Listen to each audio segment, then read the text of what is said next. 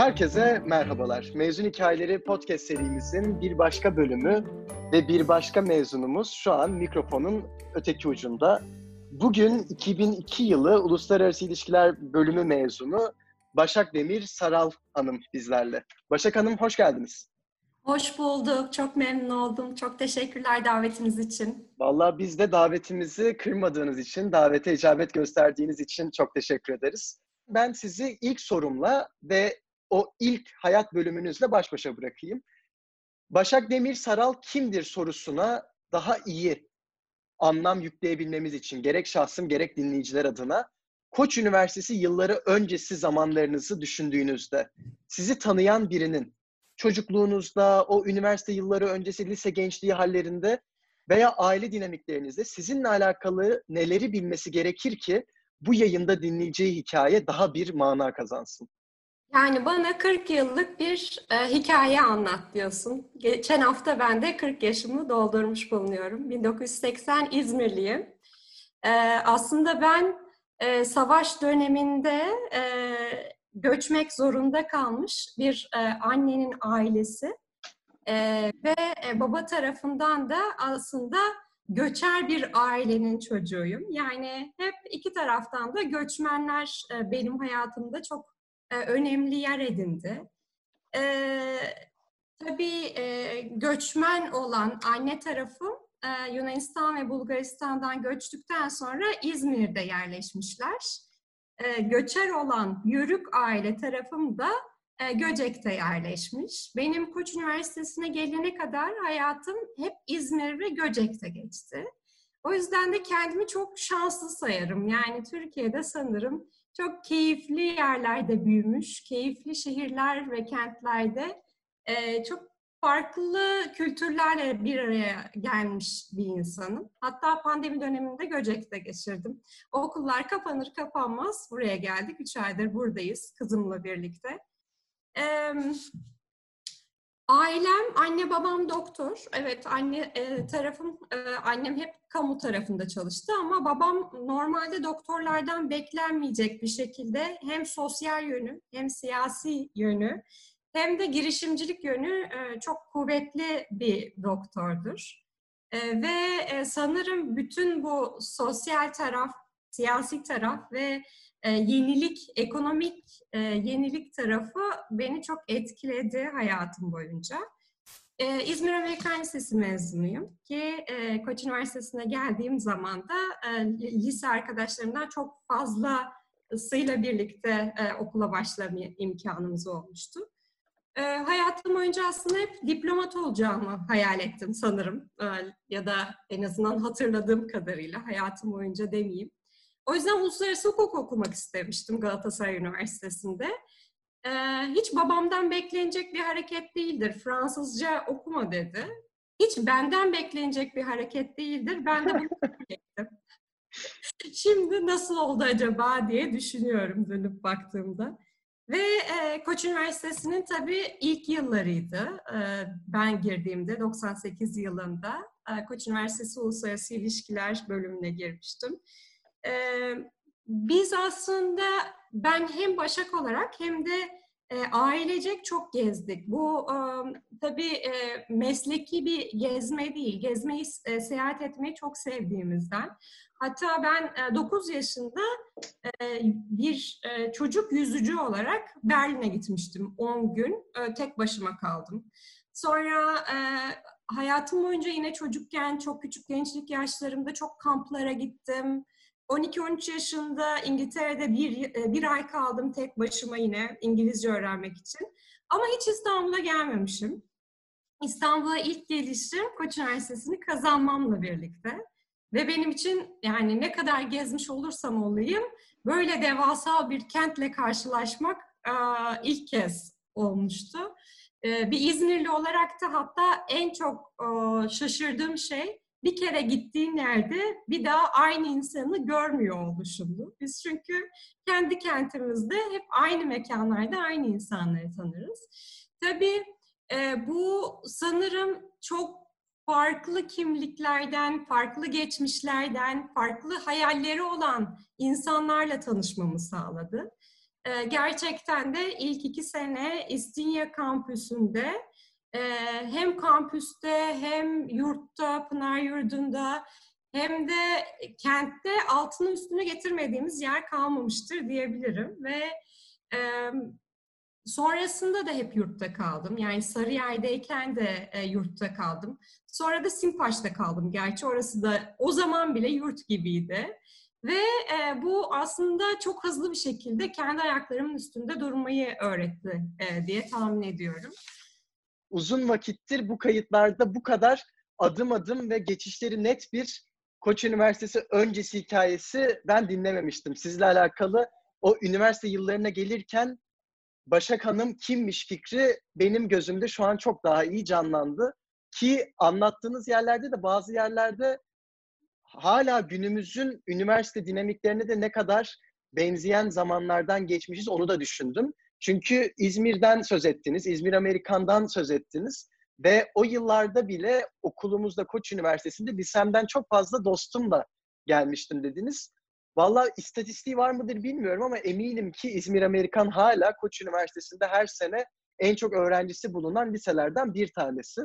Bir yandan da o dış dünyaya olan merakınız ve ailecek hep gezinen, bu sebepten kabuğunun dışına çıkmayı deneyimlemiş birinin İstanbul'a geldiğinde yine de o farklı kabuğu hissetmesi ve doyasıya onu tüketmesi heyecanı bence ayrı da hikayenizi dinlerken unutmamamız gereken kulağımıza bir küpe oldu diye düşünüyorum. Şimdi isterseniz o 1998 yılına gidelim. Uluslararası İlişkiler bölümünde üniversite eğitim yolculuğunuza başlıyorsunuz. Akademik yanıyla, sosyal yanıyla, insani boyutuyla sizler için üniversitemizin kapısından girdikten sonraki dört sene hatıralarınızda nasıl canlanıyor şu an? O günleri yad etmenizi sizden istersem. Uluslararası ilişkilerle başladı akademik serüvenim ama sonradan ısrarımda ısrarımdan vazgeçmedim. İki tane hukuk master'ı yaptım ama oraya sonra gelelim istersen. E, Koç Üniversitesi'den sonraki dönemde çünkü. Ben 98 yılında Koç Üniversitesi'ne girdiğimde iki sene evet İstinye kampüsündeydik. Zaten 600 kişidik sanırım yanlış hatırlamıyorsam topu topu yani master yapan, PhD yapanlar da vardı diye hatırlıyorum. Bir avuç içi kadar küçük kampüste kampüsün zaten derslikleriyle kafeteryasının arasında bir yolumuz vardı. Herkes yolda oturur. Bütün şenlikler, bütün kampanyalar, bütün aslında kermesler, aklınıza gelebilecek her şey o sokakta düzenlenirdi. Hayatımız orada geçti. O yüzden çok da kendi sınıfıma sıkışmış bir çevrem olmadı. Zaten irregulardım. İlk altı ay bir dönemli okudum. Diğer altı ay bir dönemli okudum. Hala da Mezunlar Derneği'nin işte beş yılda bir yaptığı e, mezun buluşmasında iki dönemin de e, buluşmasına giderim. İki dönemde beni sahiplendi. Ben e, katılışlıklar geliştirdim. O yüzden ilk başta hatta irregular olduğumda ailem biraz böyle hani nasıl olur diye bir tepki verdiler ama bence çok keyifliydi.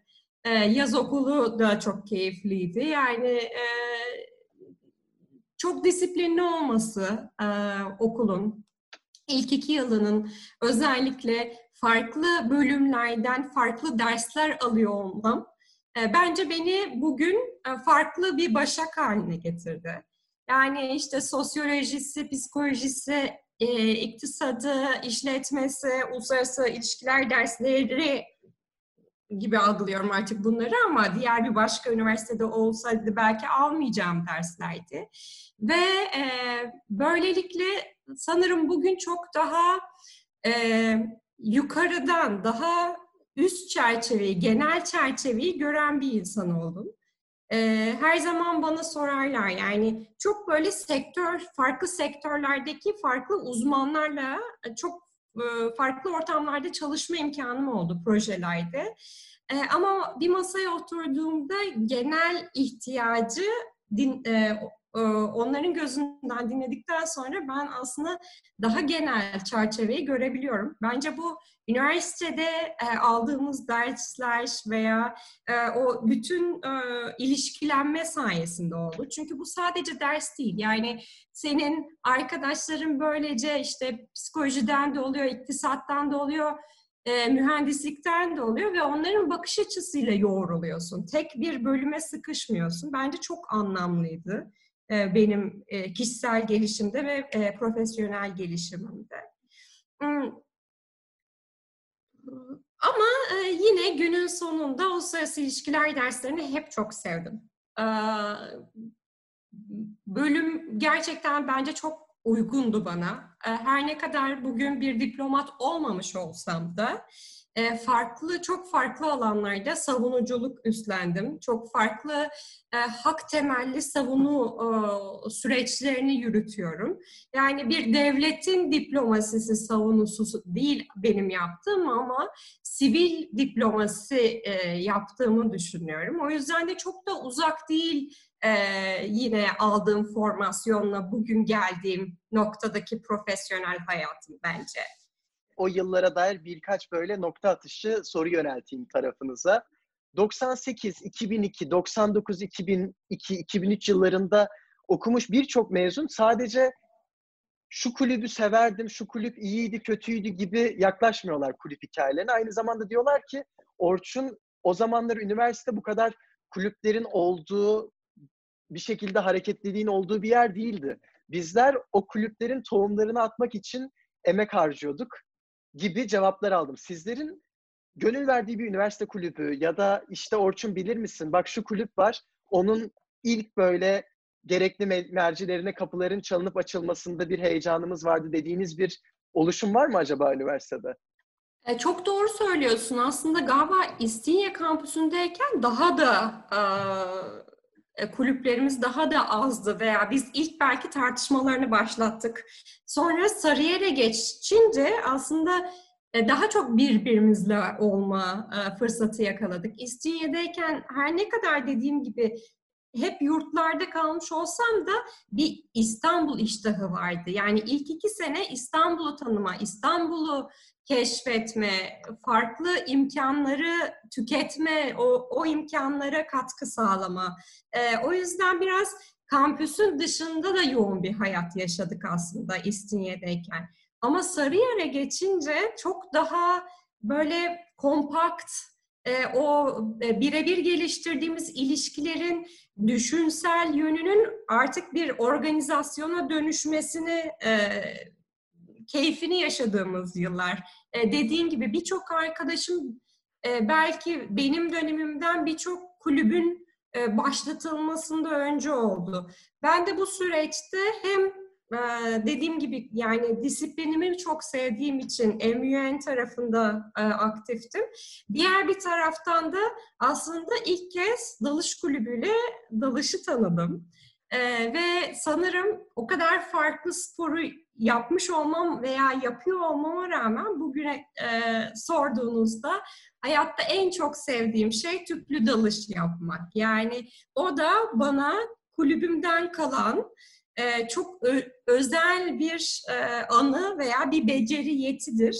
E, bugün hala e, dalış kulübünden arkadaşlarla dalmaya da gidiyoruz. Diğer kulüplerden ya da işte mesela Boğaziçi'nin dalış kulübüyle yan teknede beraber dalardık. Onlarla karşılaşıp iş yapar olduk. Yani çok böyle farklı yerlere götürdü aslında bu bizi. Oradan da şimdi sosyal kısımdan bir cevap aldık. Bir de akademik dünyaya geri dönelim. O yıllarda özellikle hatıranızda kalmış bir ders, bir akademisyen. İşte Orçun şöyle bir dersimiz vardı ve sonrasında da çünkü topluma çok dokunan işlere gönül verdiğiniz için o vakitler sizlerin ruhuna işlenen derslerin de önemli bir tarafı olabilir belki geleceğinizdeki adımlarınızda diye düşünüyorum. Öyle olunca da bunu sormak isterim. Hatıranızda bir akademisyen veya bazı dersler var mı acaba? Çok fazla tabii, çok farklı e, dersler aldık. Hatta ben e, American Studies minor da yapmıştım. Yani o o tarafta e, çok e, yoğun, dolu dolu o geçti. Ama şimdi sorduğumda sanırım e, Şunaz Yılmaz'ın derslerini çok yoğunluklu aldığımı hatırlıyorum. Çok fazla Şunaz Hanım'dan ders aldım. E, bir galiba Political Theory dersiydi. E, o dönem böyle işte hani şey işte Mevlana'nın e, düşünce tarzı, işte e, kabulleniş tarzı, yaklaşımı, felsefesi e, çok okuduğum e, kaynaklarda, içeriklerde hatta e, bu Sokratik tartışmada e, yöntemiyle Plato ve e, Sokrates'i Mevlana'nın çalışmaları üzerinden bir tartışma paper yazmıştım. Yani böyle çok mesela şimdi nereden aklıma gelmiş de yazmışım veya nasıl bir dersmiş ki diye düşünüyorum. O da aklıma geçen gün bir başka çalışma için davet aldığımda geldi. Kendini ifade edemeyenlerin ifade edebilmesinin önünü nasıl açarız diye düşündüğümde gerçekten çok farklı alanlara bakmamı sağlamış e, bu dersler veya e, bu akademik süreç. O yüzden e, çok keyifle ben katılmıştım şu Hanım'ın derslerine. Üniversiteden ayrıldıktan sonra da bir sene Şunaz Hanım'ın asistanlığını yaptım. Buradan da Şunaz Hocam'ın kulaklarını çınlatmış bulunalım. Şimdi isterseniz 2002 yılına gelelim. Sizlerin üniversitedeki mezuniyet senesi. Bu kısım da bence bu bölümlerde hep en ilginç kısımlardan bir tanesi oluyor. Neden? E, insan üniversitede onca şeyi deneyimliyor. Gerek sosyal tarafıyla, gerek akademik tarafıyla. Bir yandan üniversitenin dışında hayat olarak da insan olarak da büyüyoruz. Gözlerimiz açılıyor, perspektifimiz değişiyor. Ve mezuniyet vakti geliyor. Biz diyoruz ki tamam artık ne yapmak istiyorum? Bu soru cevaplaması bazıları için çok kolay olabiliyor, bazıları için çok zor olabiliyor ve doğru bir cevabının da tam o anda aa evet doğru bir cevap verdim diyebildiğiniz bir soru olduğunu düşünmüyorum. Sizler için o 2002 senesi ardından önce Marmara Üniversitesi'nde sonra Nottingham'da bir master'a uzanıyorsunuz ve ilk başlarda bahsini geçirdiğiniz o hukuk dünyasına dokunan bir hukuk master'ına gidiyorsunuz. Bir LLM yapıyorsunuz. O karar nasıl şekillendi? 2002 yılında aklınızda ne vardı? Onca deneyimi sırt çantanıza koyduktan sonra nasıl bir yol çizmek istediniz kendinize? Dediğim gibi yani uluslararası ilişkileri çok sevmiştim ve sanırım okumayı da sevmiştim. Ee, belki bir e, akademik yol keşfeder miyim ee, ve hala kaçırdığım bir şey var mı uluslararası hukuk tarafında e, kafamın arkasında olan bir soruydu her zaman. Bir de şeyi çok merak ediyordum. Yani bu siyasetçiler, e, politika yapıcılarla hukukçular niye geçinemez? E, gerçekten bu amaçla e, önce Avrupa Birliği Hukuku Master'ı, sonra da Uluslararası Kamu Hukuku Master'ı yaptım ki çalışma alanları, e, baktıkları vakalar, e, odak noktaları çok birbirine benziyor. Çok uzak değil gerçekten. Ama e, uluslararası hukuk e, okuyarak da bence e, her ne kadar bir hukukçu olmasam da e, bu uluslararası ilişkiler algımı bir adım daha ileriye götürdüğümü düşünüyorum. Ve e, uluslararası hukuk e, odağında e, yaptığım, aldığım dersler, e, yazdığım ödevler, tezlerim biraz daha hep e, toplumların e, hayatlarının iyileştirilmesi, hak temelli çözümlerin e, geliştirilmesi odağında oldu ve o dönemde aslında belki bilmiyorum yani daha önce hiç düşünmezdim ama işte mesela mahkum hakları gibi dersler aldım veya e, e, seks işçilerinin yaşadıkları ya da uyuşturucu bağımlılıkla, e, bağımlıların yaşadıklarını dinlediğim birçok ortamda bulundum. E, veya e, insan ticareti, uyuşturucu kaçakçılığı veya ve uluslararası güvenlik odaklı araştırmalar yaptım, paperlar yazdım. Yani benim aslında e, o dönemde uluslararası ilişkiler e, odağım bir miktar kalkınmaya kaymaya başladı. İnsan hakları ve kalkınma boyutuna. Yani e, gerçekten e, sesini duyuramayan e, bu toplulukların hayatlarının da iyileştirilebileceği bir e, sürdürülebilir kalkınma sistemi nasıl yaratılabilir? E, beni hukuk aslında uluslararası hukuk e, derslerim e, daha teknik hukuktan e, bir miktar daha uzaklaştırarak hep o e, toplumsal, e, ekonomik, e, sosyal, çevresel e, kalkınma tarafını çekmeye başladı diyeyim. Şimdi yüksek lisans yıllarınızda o hukuk nosyonunun sizleri belli bir noktadan sonra artık kalkınma odaklı, ucu belki de toplumca yıllarca dışlanmış ve bu sebepten de kanun koyucuların iyiliklerini düşünmeye ya zaman ayırmadıkları ya da fırsat bulamadıkları kişilere odaklandığı bir başka gözünüzün açıldığını anlıyorum ben anlattıklarınızdan. Ki şimdi burada da kariyer yolculuğunuza gelmek isterim. 2006 yılında Avrupa Konseyi'nde anladığım kadarıyla ilk resmi kariyer yolculuğunuz başlıyor. Ondan sonrasında Habitat Derneği, ardından Birleşmiş Milletler Kalkınma Programı, ardından ardından ardından gidiyor. Ben burada daha fazla saymayayım. Sizlere topu atmak istiyorum. Kariyer yolculuğunuza başlarken sizin için başlangıç noktasına giderkenki düşünce neydi ve ardından o adımlar nasıl seyretti? Valla çok güzel bir tanım oldu. Teşekkür ederim. Ben e, bu güzel e, tanıma layık olabilmeyi gerçekten çok isterim.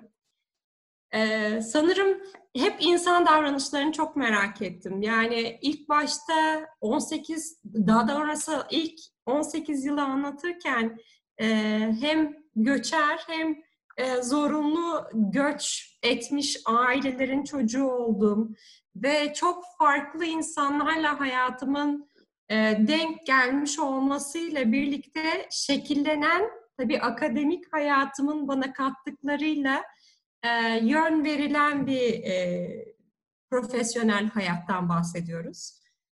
İnsan davranışları benim her zaman e, çok ilgimi çekiyor. Yani özellikle de biraz önce senin e, de bahsettiğin yani toplumun dışına biraz itilmiş, kendini toplumun dışında bulmuş, biraz marjinalleşmiş grupların e, bizlerin davranışlarından nasıl etkileniyor olması beni hep e, çok merak ettirdi ve o insanları mümkün olduğunca aslında e, hep birlikte biz de yukarı kalkarken güçlendirmek istedim.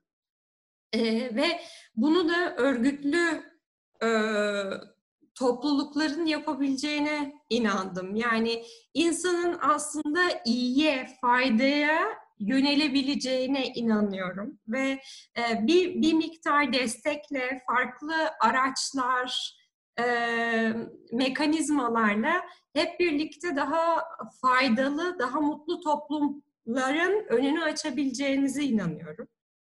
E, bu amaçla da e, üniversitedeki akademik hayatımı artık bıraktıktan sonra aslında ilk Habitat'ta başlar. Habitat'ın genel sekreteri oldum. Ve e, e, Habitat'ın genel sekreteri olduktan sonra Avrupa Konseyi'nin e, bir gençlik danışma kurulu var. Bu gençlik danışma kurulunun 3 yıl boyunca başkan yardımcılığını üstlendim. E, Strasbourg'da yaşamadım ama o kadar yoğun bir e, dönemdi ki, o kadar yoğun bir e, görevdi ki bir yıl 12 ayda 13 kere Strasbourg'a gidip geldiğimi hatırlıyorum. Yani yaşasam belki Türkiye'ye daha çok gelirdim. Çok keyifliydi. Ama bu hem Habitat çok 81 ilde örgütlü bir gençlik hareketiydi o dönemde Habitat Derneği. Ee, ve bir taraftan da Habitat aracılığıyla Avrupa Konseyi'nde bir görev e, edinmiştim. Yani sanırım on, o andan itibaren benim bütün profesyonel hayatım hem uluslararası ayağı olan hem de çok yerel ayağı olan e, çalışmalarla devam etti.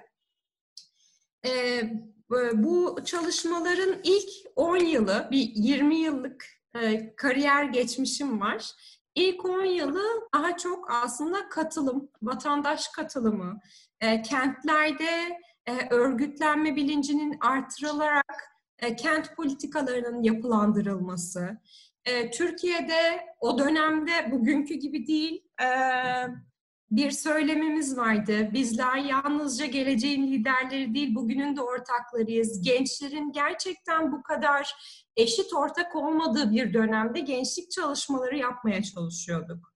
O yüzden bir yandan kent bazlı bir yandan da ulusal gençlik politikalarını geliştirmeye çalışıyorduk ki Avrupa Konseyi'nde de Avrupa Konseyi'ndeki gençlik politikalarını yapılandırmaya çalışıyordum. Ee, ve bu dönemde mesela ilk kez e, bütün Türkiye'de bir tabandan örgütlenmeyi harekete geçirerek e, seçilme yaşını düşürdük. 30'dan 25'e. Bunlar gerçekten çok önemli e, özgürlük hareketlerinde, demokratikleşme hareketlerinde yer almamı ve e, bu e, hareketlere e, emek vermemin e, bir parçası olmamın önünü açtı. Beni tabii çok e, daha e, ilişkilendirdi. Bir yandan uluslararası boyutta çok ciddi kurumlardan çok farklı kişilerle e, network'üm oluşurken diğer yandan da düşünün e, Iğdır'dan da Sivas'tan da Eskişehir'den de yerel e, hareketten gelen e, gençlerle çalıştım. E, yerel yönetimlerle çalıştım. E, işletmelerle, şirketlerle çalıştım. Böyle çok farklı disiplinler ve farklı yine e, kurum ve kişilerle ilişkilenme e, dönemim oldu bu ilk 10 yıl. İkinci 10 yıl biraz daha aslında e, toplumun örgütlenmesinin ötesinde as, e, toplumun dönüşmesi. Artık bizler o eşit ortak söyleminden vazgeçmiştik. Çünkü gençler yeterince güçlenmeye başlamıştı Türkiye'de. Özellikle Türkiye'nin dijitalleşme sürecinin hızlanmasıyla birlikte. Ve e, bir, bir miktar daha e, ekonomiye aktif katılımın nasıl e, hızlandırabiliriz? Bunu sadece gençlerle değil, e, toplumun diğer kesimlerini geride bırakmadan. Bu sefer çünkü e, e, e, yetişkinler geride kalmaya başlamıştı. Kadınlar geride kalmaya başlamıştı. Gençlerle diğer e, toplumun geride kalan, dijitalleşmemiş kesimlerinin elinden tutarak hep birlikte nasıl e, ilerleyebiliriz diye tartışmaya, buna yönelik farklı sektörlerle birlikte e, toplumsal fayda içeren çalışmalar geliştirmeye başladık. Tabii ben sektörleri tanıdıkça işte e, bilişim sektörüyle, finans sektörüyle, e, tekstil sektörüyle, çok farklı sektörlerden gıda sektörüyle, aktörlerle ilişkilenmeye başlayınca bu sefer tamam evet toplumsal bir kitlesel dönüşüm önemli ama belki yenilik çözümlerine de katkı sağlayabiliriz diye biraz daha yönümü girişimciliğe de dönüş, döndürmeye başladım. Yani bu o, faydayı genç veya dinamik e, bir e, yapıyla birlikte nasıl yeni iş modelleri yaratarak, yaratıcı çözümler geliştirerek e, dönüşüme katkı sağlayabiliriz. Yani belki o çok büyük örgütlü sivil yapıların yanı sıra daha küçük takımların oluşturduğu girişimci ekiplerle nasıl gerçekten bu dönüşümü hızlandırabiliriz e, diye çalışmaya başladım. Ve e, 2010 yılları daha fazla işte Türkiye'de yenilik ekonomisi, e, inovasyon altyapısının stratejilerini geliştirme, eylem planlarını hazırlama, kurumsal yapıların güçlendirilmesine destek sağlama ile geçti. Tabii bunun bir tarafında da işte yine global girişimcilik networkleriyle ilişkilenme, e, uluslararası yatırım ağlarıyla ilişkiler kurma ya da uluslararası pazarlarla ilişkiler kurma hepsi bu o, ikinci dönemim dediğim dönemde biraz daha ekonomik e, e, kalkınmaya odaklanmamı sağladı. Şimdi bence üçüncü dönemimdeyim.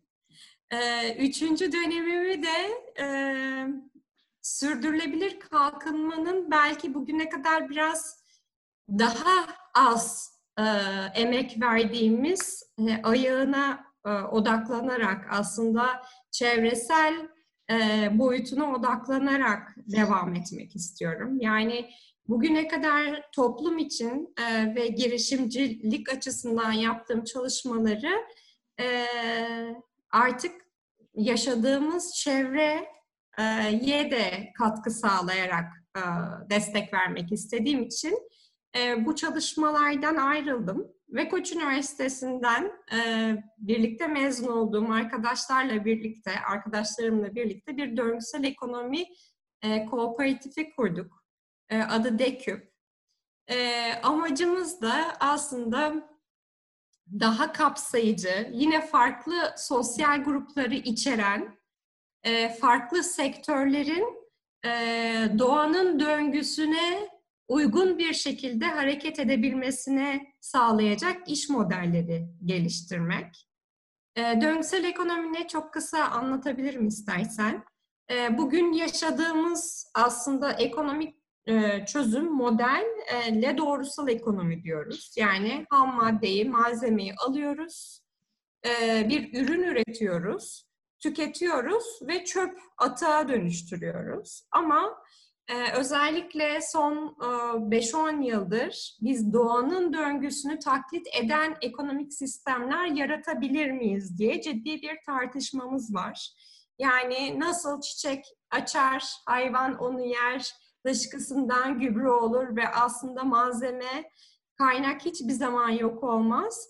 Döngüsel ekonomi de ham maddenin ve kaynağın tedarik zincirinde yok olmayacağı iş modeli çözümleri üretilmesini öngörüyor. Biz de bugün farklı sektörlerle birlikte, büyük sanayiciler, girişimcilerle birlikte aslında ve kullanıcılar, müşterilerle birlikte döngüsel ekonomi çözümleri üretiyoruz.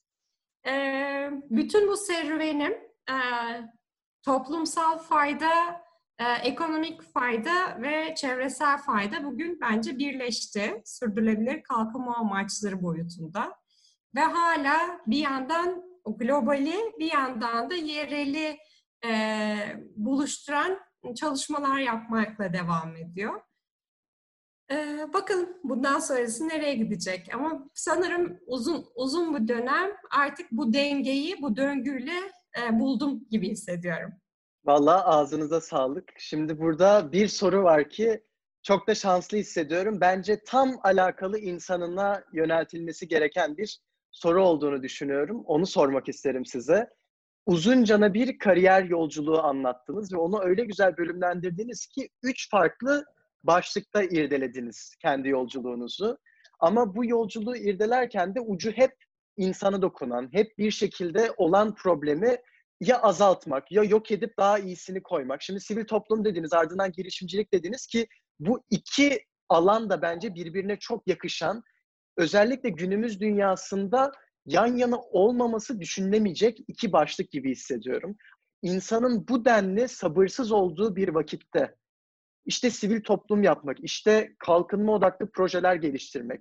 Burada sizler aynaya baktığınızda arada bir işte o pes etmeme ve tekrar uyanıp dışarı çıkma arası dengeyi yıllar içerisinde nasıl sağladınız? Onu çok merak ediyorum ben. İş yapma yöntemlerimiz değişiyor. Yani e, istihdam edilme yöntemleri, çalışma hayatı değişiyor. Ama kötü yönde olmak zorunda da değil. Yani ben de mesela o yüzden dedim annem doktor ama kamu tarafındaydı. Hep devlet üniversitesinde çalıştı. Ama bir taraftan da babam da doktordu ama hem siyasi hem sosyal hem de girişimcilik yönü çok e, kuvvetli bir e, ebeveyn. E, ve annem her zaman diğer e, kamu çalışanları gibi benim kafamda işte e, full time bir iş e, kariyer hayatını önceliklendirdi ve ben de buna uyduğumu düşünüyorum. E, ta ki Eylül ayında e, en son, aa, evet Building Markets'daki serüveninden bahsetmedim. Son 5 yıldır da mültecilerin girişimciliğiyle çalışıyorum ve e, New York merkezli uluslararası bir sivil toplum kuruluşunun e, ülke müdürüydüm geçen sene ve en son Building Markets'taki ülke müdürlüğünden ayrılarak e, kendi girişimimiz olan döngüsel ekonomi kooperatifine odaklanmaya karar verdim. Hala Building Markets'a bir savunuculuk danışmanlığı yapıyorum ama e, bence ben de e, bu yeni e, çalışma düzenine ayak uydurmak istedim. Çünkü e, ben de sonuç odaklı çalışmayı seviyorum. Proje bazlı çalışmayı seviyorum. Yani e, evet bazı kişiler özellikle daha böyle yönetici olmak isteyen kişiler farklı e, yönde ilerliyorlar ama ben gerçekten yaptığım işin e, topluma, çevreye, ekonomiye veya bu yaşam alanlarımıza bir faydası olmayacaksa e, sabah 8 akşam 5 5 gün e, zamanımı harcamak istemiyorum. Pazar gecesi belki uyumayacağım. E, çok e, kaliteli bir işi hayata geçireceğim ama onu bileceğim ki fayda sağlayacak.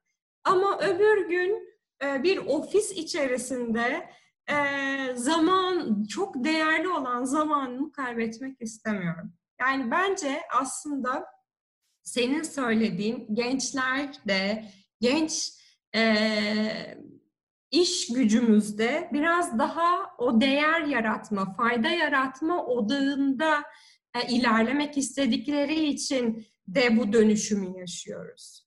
E, Evet emek gerekiyor ama ben de Avrupa Konseyi'ndeki ya da UNDP'deki çalıştığım dönemde bugünkü e, bu noktaya geleceğini bilmiyordum zaten.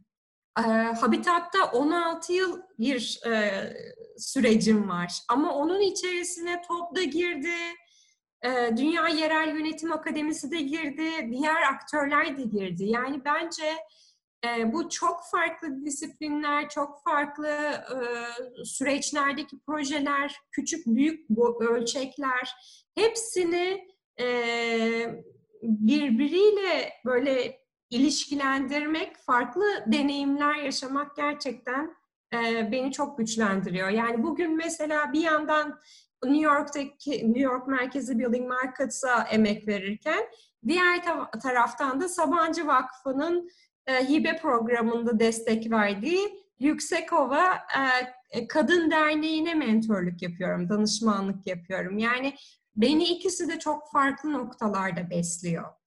Ee, ama besliyor ve ben de o, o çalışmalara katkı sağlayabildiğime, fayda sağlayabildiğime inanıyorum. Eğer fayda sağlayamıyorsam zaten çalışmak istemiyorum, üretemiyorum.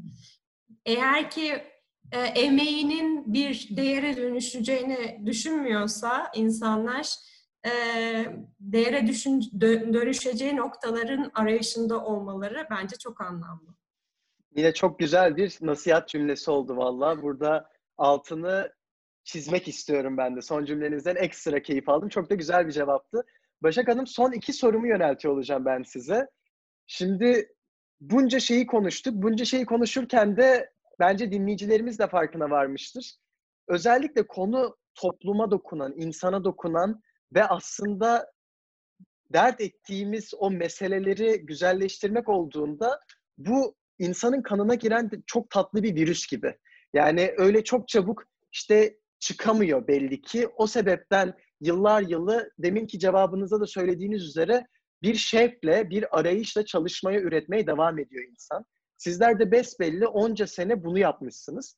Şimdi burada şunu sormak istiyorum. Ben gibi nice genç bu bölümleri dinlerken sizler gibi artık kariyerinde onca şeyi deneyimlemiş, başarmış kişilerin hikayelerine bakarken şunu sorguluyor.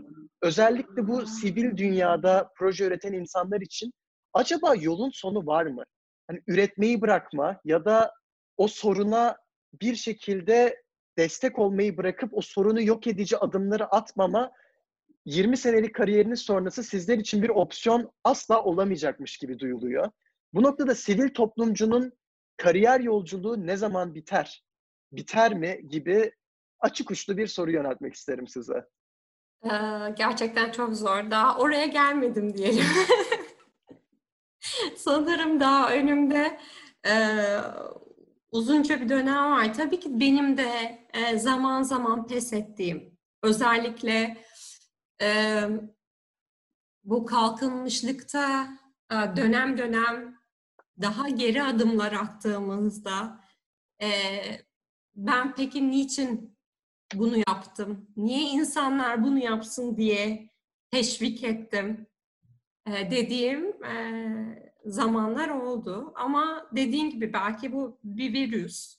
Çok hızlı bir şekilde bir başka konu gündemine geliyor. Bir başka ihtiyaç, sorun gündemine geliyor ve hemen aslında bunun çözümü ne olabilir? E, nasıl bir iş fikriyle e, farklılaştırabiliriz e, mevcut durumu diye düşünür buluyorum kendimi.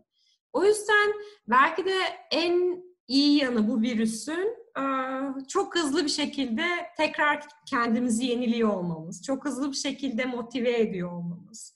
Ve işte mesela döngüsel ekonomi çok yeni tanıştığımız, yani Avrupa'nın da yeni tanıştığı bir e, ekonomik model, sürekli kendimizi geliştirmeye çalıştığımız, sürekli öğrendiğimiz, işte hayat boyu öğrenme denilen şey aslında anlamını bulduğu bir yer.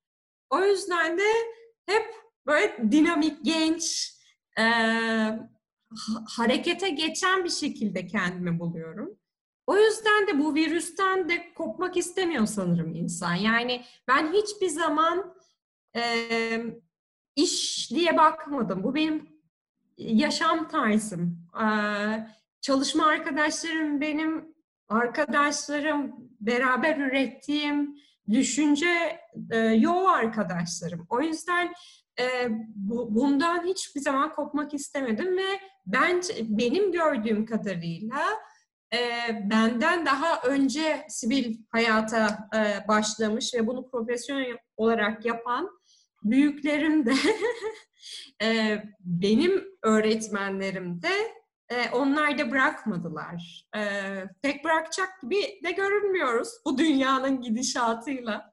Hatta derim e, maalesef işler kötü gittikçe e, kalkınma sektörü büyüyor diye. Bu bizim sektörün büyüyor olması aslında her şeyin e, parlak olduğuna işaret etmiyor. Yani diğer sektörlerde belki satışların hacimlerine bakıyorlar. Bizim sektörün yatırımları büyüyor ama aslında e, afetler, savaşlar, dışlanmışlıklar, ayrımcılıklar arttığı için büyüyor. O yüzden çok işimiz var daha. Gerçekten umuyorum o onca iş bir şekilde daha nice bu meşaleyi taşıyan aktörle dünyanın farklı yerlerinde böyle sokaklar taşa taşa devam ederdi. Çünkü gerçekten bu tarz konular Başak Hanım ben çok öyle hissediyorum. Yani birle, beşle, onla değil toplu bir mantık değişimiyle, bir vizyonla artık böyle her ülkelerin yani hatta ülkeleri de geçin dünyanın üstüne çökmesi gereken yeni bir algıyla herhalde günümüz dünyası gerek bu kalkınma ekonomisinin getirileri götürülerinin düzenlenmesi, gerek doğal tahribasyonun azalması, gerek daha sürdürülebilir yaşam, hoşgörü, sevda bunların her biri 21. yüzyılda yeni tanımlarına o kabuk değişimine en sağlıklı şekilde ulaşması lazım. Bunun için de çok belli ki nice Başak Hanımlara ihtiyacımız var. Çok keyifli bir sohbetti. Çok güzeldi. Ben sizlerle tanıştığıma çok müthiş bir memnuniyet içerisindeyim. Samimi cevaplarınız için de çok teşekkür ederim. İyi ki davet ettiniz. Gerçekten tekrar yani bu podcast vesilesiyle diğer e, mezunlara veya e, Koç Üniversitesi ailesinin bütün bireylerinden ilgili olanlara ulaşabileceğim için çok mutluyum. Eğer bana ulaşmak isteyen olursa da e, memnuniyetle sosyal medya hesaplarım LinkedIn'dan ulaşabilirlerse mümkün olduğunca ortak çalışmak, ilerlemek isterim. Bu da çok güzel bir açık ta- çağrı oldu dinleyicilerimizin dikkatine. Son sorumla karşınızdayım. Bu son soruyu her mezunumuza podcast'in en sonunda yöneltmiş bulundum. Şimdi yaklaşık herhalde bir 35-40 dakika kadarlık süre zarfında hayatınızın köşe taşlarını, işte sizleri sabahları heyecanla uyandıran konuları, niçin neyi yaptığınızı adım adım konuştuk. Birazcık sizler hakkında, hayatınız hakkında fikir sahibi olduk. Ve siz benzeri yollar yürümek isteyen, işte lise çağında, işte üniversite çağında biz gençler için bu yolları yürüme kararı vermeden bazı nacizane tavsiyeleriniz, önerileriniz olur mu diye size sorup yayını önerilerinizle tamamlamak isterim. Sanırım cesaret etmek, korkmamak. Ama herkes aynı şeyi söylüyor olabilir, onu da bilmiyorum. Ki 40 yaşına gelince de bazen korkuyoruz. Ee, bazen cesaret edemeyebiliyoruz. Ama mümkün olduğunca açık olmak. Yani bence şu an benim dönemimdeki e, yöneticiler e, veya girişimciler, iş sahipleri, sivil toplum liderleri e, gerçekten çok daha açıklar. O yüzden insan ilişkileri, tanımadığınız kişilerle ilişkiler kurmak, deneyimlemek, yani 20 yıl önceki benle bugünkü ben bazı şeyler evet e, buluştu ama bazı şeyler de çok yön değiştirdi. O yüzden e, denemek, yanılmak, belki yanılmadığını gördüğün şeylerle devam etmek, keyif aldığın şeylerle ilerlemek yani sanırım. Ağzınıza sağlık. Bir bölümün daha sonuna geldik. Mezun Hikayeleri podcast serimizde bugün 2002 yılı Uluslararası İlişkiler Bölümü mezunumuz Başak Demir Saral bizlerleydi. Gelecek haftalarda nice başka mezunumuz ve farklı hikayelerle tekrardan kulaklarınızda olacağım. O vakte kadar hoşçakalın. Görüşmek üzere.